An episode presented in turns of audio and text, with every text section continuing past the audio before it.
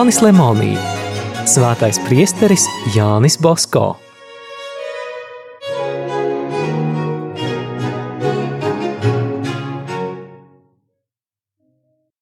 Reiz rudenī vīnogu novākšanas laikā Jānītis bija aizgājis uz savas mātes tēva māju.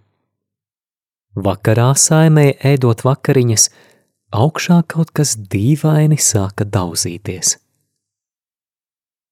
Likās, it kā kāds badītu ar nūju, ripinātu bumbu, pēc kādas stundas atkal viss norima. Kaut kas nelabs visi runāja, tikai ragainis vien var tik necilvēcīgi trokšņot. Jānītim tas likās jocīgi. Viņš teica, kur te radīsies ragainis? Varbūt vējš kaut ko kustina, vai sasks meklē olas, vai varbūt kas cits. Te pēkšņi atkal nodārdēja griesti. Tik tikko neapgāzās lampa, kas stāvēja uz galda. Visi brīnījās, sievietes jau gribēja bēgt. Kur bēgsiet, iesaucās Jānītis, labāk iesim paskatīties, kas tur ir. Vai tev prāts? Jānītis nebaidījās. Iededzis skalu, viņš pielika trepes un kāpa augšā. Vēl divi drosmīgākie nojas paņēmuši viņam sekoja. Uzlīda, apskatījās visapkārt, neskaņas. Tad arī citi mājinieki uzdrošinājās viņiem sekot. Te pēkšņi pie Jāņa kājām sāka kustēties vecs siets. Visi pārbijušie sauca: Atpakaļ! Jānītis palika stāvam, kad kliedzieni apklusa siets pārstāja kustēties. Jānis vienīgajam no ļaudīm, kas uzdrošinājās palikt, deva paturēt skalu. Tas nobijies izmeta to no rokām, kļuva tumšs. Zēnam pašam vajadzēja nokāpt lejā pēc gaismekļa. Uzkāpis viņš to nolika uz veca krēsla un piegājis pie sieta to pacēla. Visi sāka skaļi smieties, zem sieta bija treknas vistas mājoklis. Bet pabeigsim Margaritas Bosko šīs neparastās mātes portretu. Tajos laikos, kad viņa dzīvoja, Gandrīz vai ikvienā ģimenē bija grāmatas, kas stāsta par cilvēces atpestīšanas vēsturi un svēto dzīves apraksti. Kapriljo apkārtnē svētdienas vakaros ikvienā zemnieku būdā tos lasīja.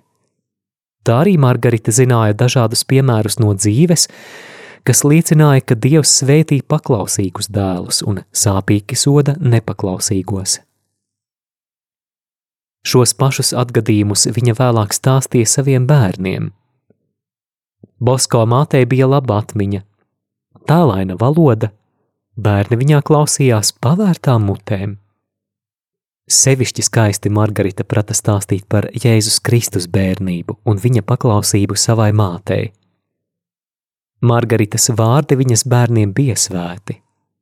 Pietika tikai pamāt, un bērni klausīja. Klausīja aiz mīlestības. Vajadzēja malkas, ūdens vai ko citu. Vienam pasakīja, visi skrēja. Viņa rūpējās par to, par ko nedomāja citas mātes, lai bērni nedraudzētos ar nepazīstamiem bērniem bez vecāku atļaujas.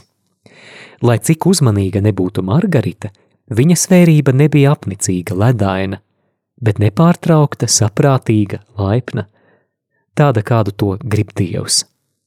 Viņa nedusmojās, kā to dara vairākums vecāku, kad bērni rotaļājās vai trokšņoja. Dažreiz viņa pati izdomāja jaunu rotaļu un mazos mudināja iet izskraidīties. Bērni parasti daudz runā un ar saviem jautājumiem dažkārt apnīk. Mātes parasti zaudējušas pacietību viņus sabar, lai tie klusētu. Bosko māte tā nekad nedarīja. Viņa tīšām ļāva bērniem daudz runāt, lai varētu zināt viņu domas un sirds tieksmes.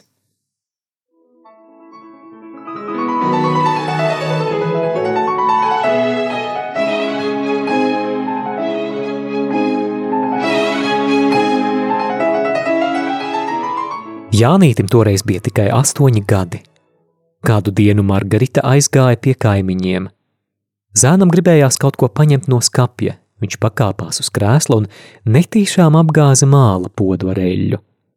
Nobijies viņš mēģināja eļļu sasmelt, bet tas neizdevās. Redzēdams, ka neveiksies, viņš sāka to nosusināt ar pelniem, tomēr traipus nevarēja paslēpt. Pērienu tā kā tā dabūšu sevī nodomāja mazais gudrinieks, kaut es spētu mātes dusmas mazināt. Viņš pats nogrieza sev rīksti, to skaisti nodrāza, mizā iegriezdams rotājumus un tad steidzās mātei pretī.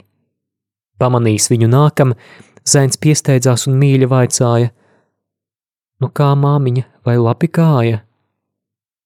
Labi, un tu Jānīt, kāpēc te atskrēji, vai mājās viss kārtībā, vai tev kas negadījās? Lūk, māmiņa, Jānis teica un sniedza viņai rīksti. Ā, kas tad tas ir? Nu jau gan tas bērns ir kaut ko sastrādājis. Tā ir māmiņa. Šoreiz vari man sadot. Kas tad tev gadījās? Izlēju eļļu, un zēns sīki izstāstīja par visu notikušo un pievienoja vēl vārdus. Zinu, ka man nākas pēriens, tāpēc pats sameklēju rīksti, lai māmiņai nebūtu jānopūlas to meklējot. Viņš apklusa un skatījās mātei acīs. Margarita paskatījās uz rīksti, tad uz bērnu un nevarēja savaldīt smieklus. Iedama viņa mācīja: Redzi, bērns, man žēl eļļas, bet ko lai dara? Redzu, ka tu neesi vainīgs. Tikai citu reizi atceries, kad kaut ko sāc darīt pārdomā, ar ko tas var beigties.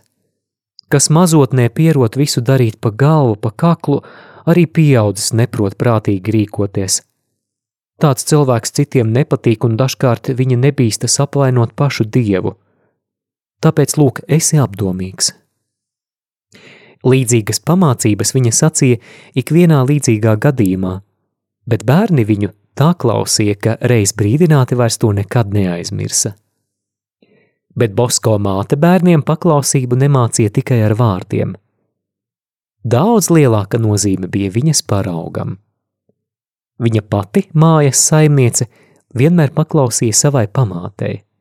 Vecā māmuliņa Bosko namā bija kā karaliene, kurai visi klausīja.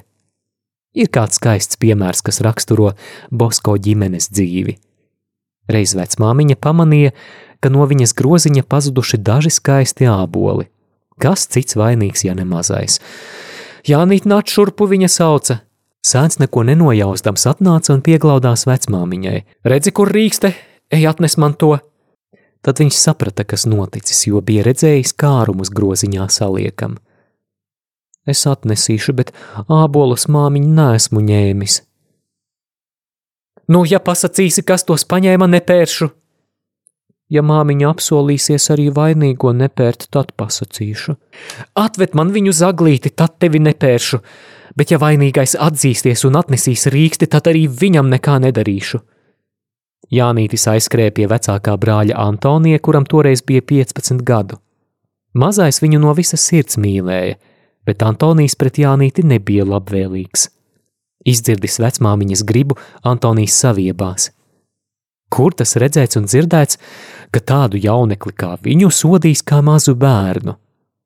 Viņš nekustējās ne no vietas – tikai paraustīja plecus, it kā sacīdams: Muļķības vairāk nekas. Bet Jānītis uzstāja: Tu neiesi, viņš sacīja, bīsties dieva. Vecmāmiņa ļoti sadusmosies, ja nepaklausīs, un var no tā saslimt. Arī mūsu māmiņa dusmosies. Es zinu, ka tu jau esi liels, bet arī tev vecmāmiņa jāklausa. Kā nokaunējies, Antonijs tūļādamies gāja pie vecmāmiņas, nesdams rīksti. Piegājis viņš murmināja – es vairs tā nedarīšu. Viņa balsī gan patiesībā nevarēja just ne mazākās apņemšanās vairs neņemt. Savu dičkio roku glāstīdama vecmāmiņa pamācīja. Redzi, bērniņa, mantkāre cērt sāpīgāk nekā zobens. Ēlē mantkārīgo ir vairāk nekā citu grēcinieku. Vēl Basko ģimenē bērniem mācīja nedarīt nekādas blēdības un būt žēlsirdīgiem. Dažādi Margarita cīnījās ar grēku un ļauniem paraugiem. Īpaši viņa uzmanīja meitenes. Vasarā sevišķi mājās visi strādāja plānā apģērbā.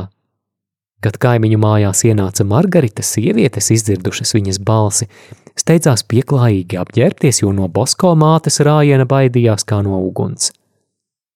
Kāda attālāka Margaritas kaimiņiene bija savās mājās pieņēmusi sievieti ar sliktu slavu. Ciemā izplatījās dažādas runas un tenkas. Visi dusmojās un smējās.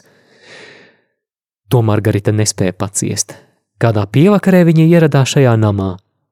Jānītis iztālē mātei sekoja un piegājis tuvāk paslēpās aiz koka. Sētā iegājusi Margarita pieklauvēja pie durvīm, paaicināja saimnieci un bargi viņu sabāra par visu apkārtnes ļaužu ieļaunošanu.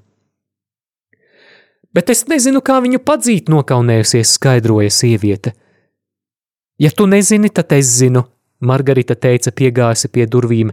Viņa pieliecās pie atslēgas cauruma un sāka saukt: Ārā! Ārā, velna kalps! Ārā! Projām no šejienes! Ciemnieki jau bija redzējuši Margaritu nākam uz šo pusi.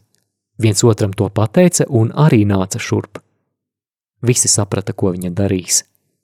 Nevēlamā svešiniece, izdzirdusi aiz durvīm tādu saucienu un redzēdama pa logu, ka sanāk ļaužu pūlis, bēga prom un vairs šajā pusē nerādījās.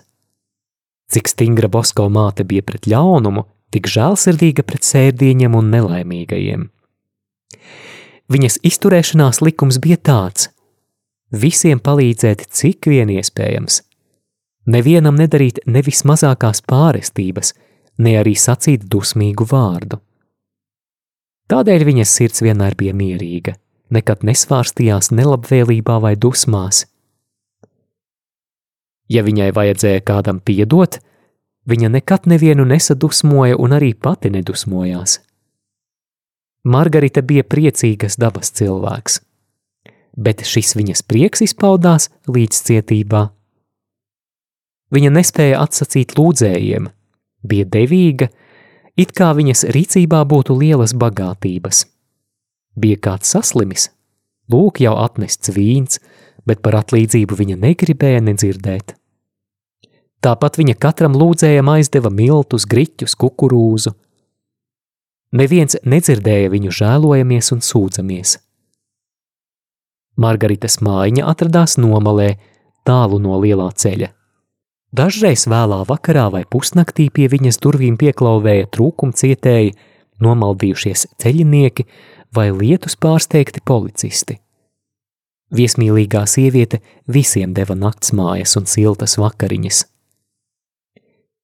Sevišķi žēlsirdīga viņa bija pret slimajiem – kā sargeņģelis viņa stāvēja pie mirstošo gultas.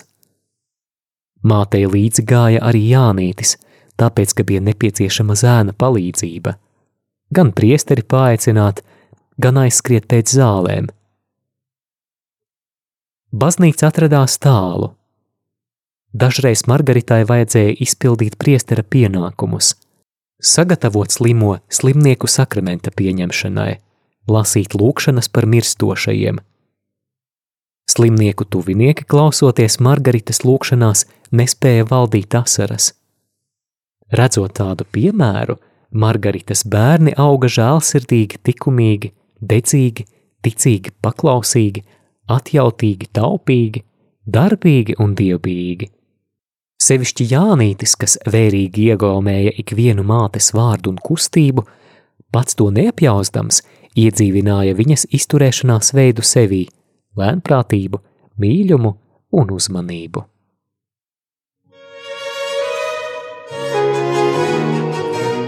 Izskanēja lasījums no Jāņa Lemonija grāmatas Svētais priesteris Jānis Bosko.